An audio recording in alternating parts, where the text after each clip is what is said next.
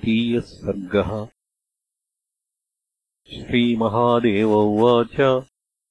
श्रीरामवचनम् श्रुत्वा परमानन्दनिर्भरः। मुनिः प्रोवाच सदसि। सर्वेषाम् तत्र शृण्वताम्। अथ वित्तेश्वरो देवस्तत्र कालेन केनचित् आययौ पुष्पकारूढः पितरम् द्रष्टुमञ्जसा।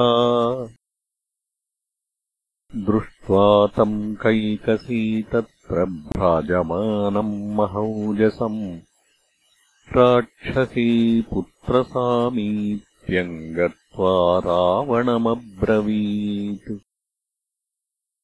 पुत्रपश्यधनाध्यक्षम् ज्वलन्तम् स्वेन तेजसा त्वमप्येवम् यथा भूयास्तथा यत्नम् कुरु प्रभो। तच्छ्रुत्वा रावणो रोषात् प्रतिज्ञामकरोद्धृतम् धनदेन समो वापि ह्यधिको वाचिरेण तु भविष्याम्यम्ब माम् पश्य सन्तापम् त्यज सुव्रते इत्युक्त्वा दुष्करम् कर्तुम् तपः स दशकन्धरः अगमत्फलसिद्ध्यर्थम् गोकर्णम् तु सहानुजः। स्वम् स्वम् नियममास्थाय भ्रातरस्ते तपोमहत् आस्थिता दुष्करम् घोरम् सर्वलोकैकतापनम् दशवर्षसहस्राणि कुम्भकर्णोऽकरोत्तपः विभीषणोऽपि धर्मात्मा सत्यधर्मपरायणः पञ्चवर्षसहस्राणि पादेनैकेन तर्थिवान्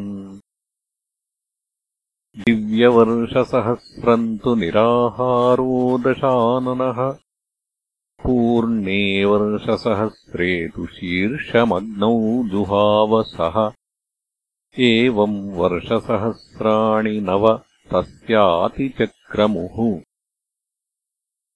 अथ वर्षसहस्रम् तु दशमे दशमम् शिरः।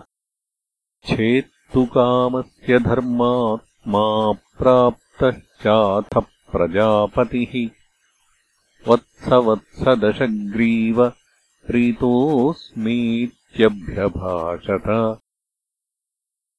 वरम् वरय दास्यामि यत्ते मनसि काङ्क्षितम्। दशग्रीवोऽपि तच्छ्रुत्वा प्रहृष्टेनान्तरात्मना। अमरत्वम् वृणोमीश वरदो यदि मे भवान् सुपर्णनागयक्षाणाम्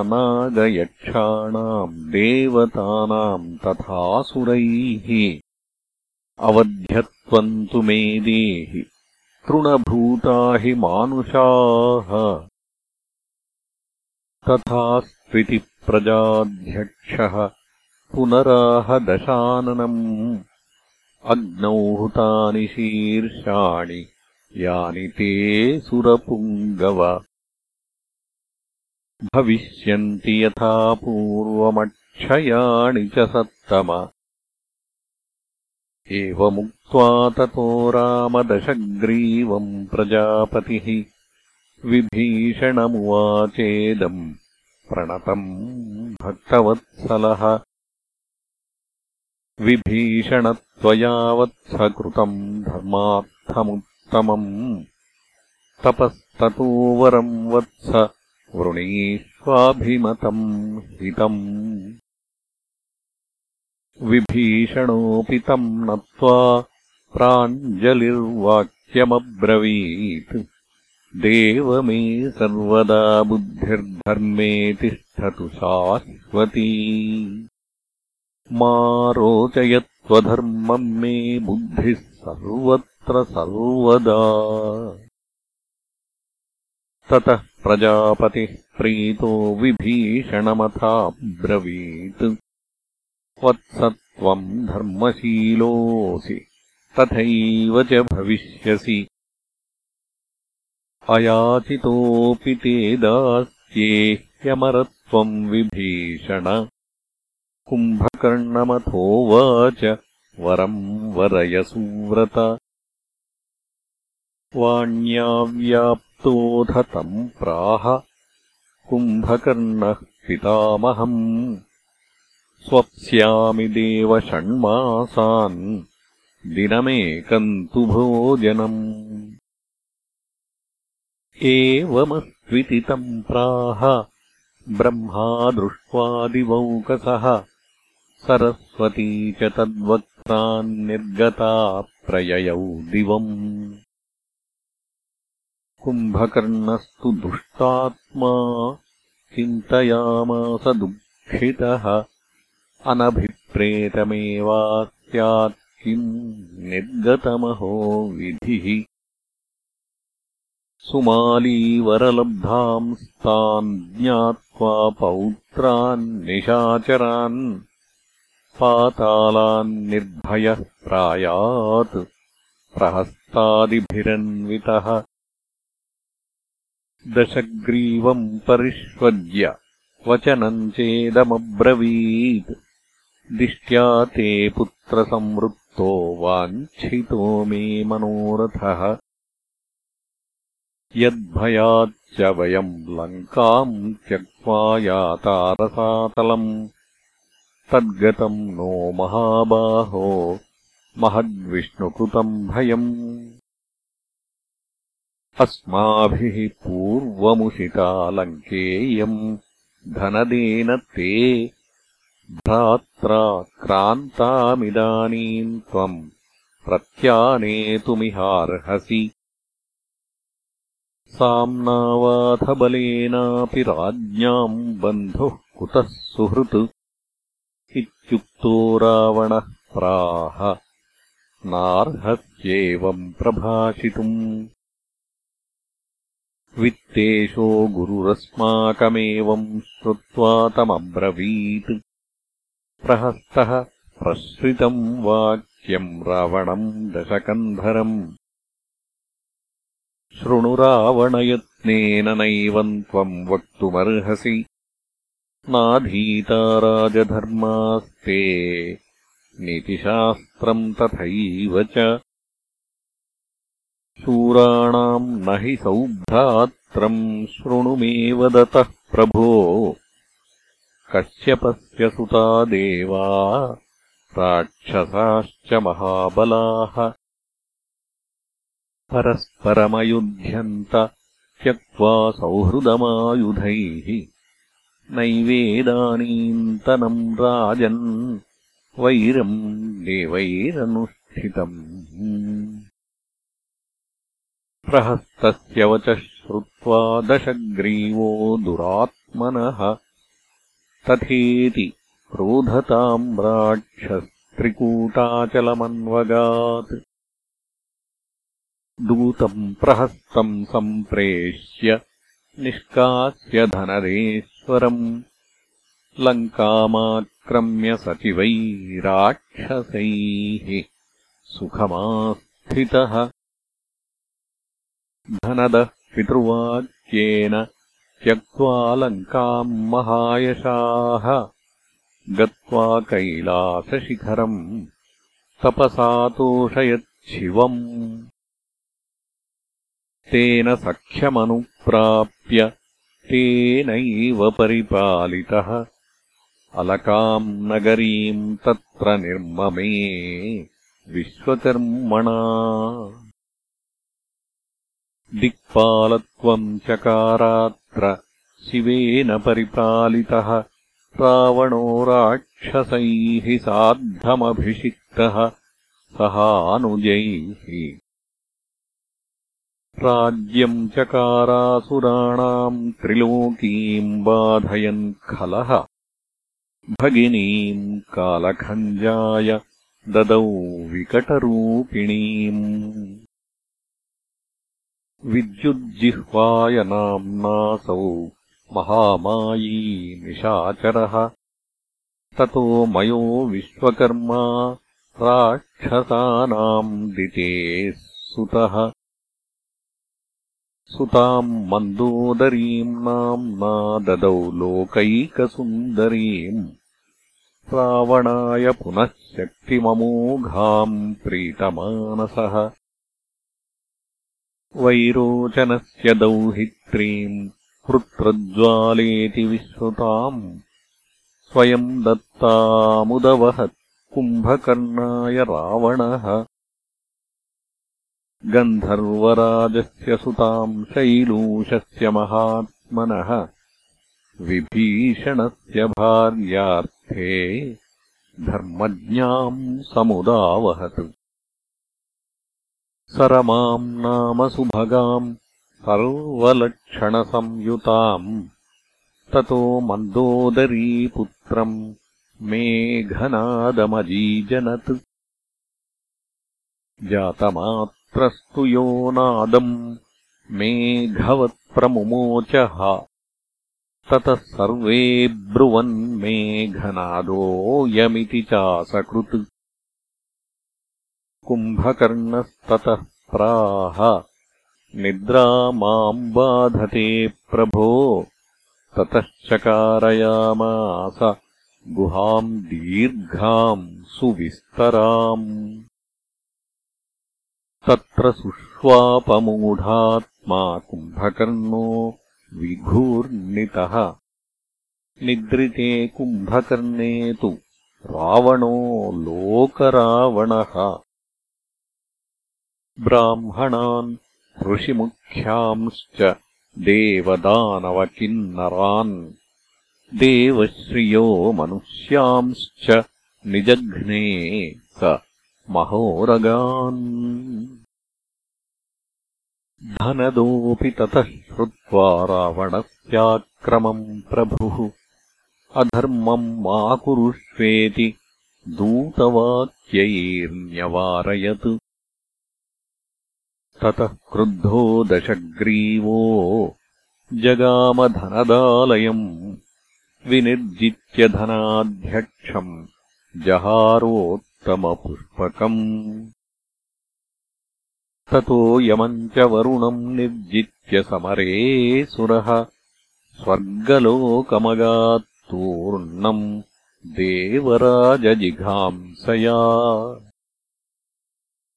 ततो भवन्महद्युद्धमिन्द्रेण सह दैवतैः। ततो रावणमभ्येत्य बबन्ध त्रिदशेश्वरः तच्छ्रुत्वा सहसागत्य मेघनादः प्रतापवान्। कृत्वा घोरम् महद्युद्धम् जित्वा त्रिदशपुङ्गवान् इन्द्रम् गृहीत्वा बद्ध्वासौ मेघनादो महाबलः मोचयित्वा तु पितरम् गृहीत्वेन्द्रम् ययौ पुरम्। ब्रह्मा तु मोचयामास देवेन्द्रम् मेघनादतः। दत्त्वा वरान् बहूंस्तस्मै ब्रह्मा स्वभवनम् ययौ रावणो विजयी लोकान् सर्वान् जित्वा क्रमेण तु कैलासम् तोलयामास बाहुभिः परिघोपमैः। तत्र नन्दीश्वरेणैवम् शप्तोऽयम् राक्षसेश्वरः वानरैर्मानुषैश्चैव नाशम् गच्छेति कोऽपि न शप्तोऽप्यगणयन्वाक्यम् ययौ हैहयपत्तनम्। तेन बद्धो दशग्रीवः पुलस्त्येन विमोचितः।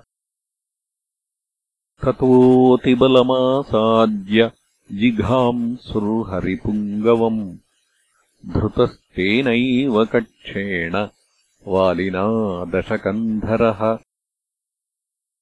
भ्रामयित्वा तु चतुरः समुद्रान् रावणम् हरिः विसर्जयामास ततस्तेन सख्यम् चकारसः। रावणः परमप्रीत एवम् लोकान्महाबलः चकारस्ववशे राम बुभुजे स्वयमेव तान्। एवम् प्रभावो राजेन्द्रदशग्रीवः सहेन्द्रजित् त्वया विनिहतः सङ्ख्ये रावणो लोकरावणः। मेघनादश्च निहतो लक्ष्मणेन महात्मना। कुम्भकर्णश्च निहतः त्वया पर्वतसन्निभः।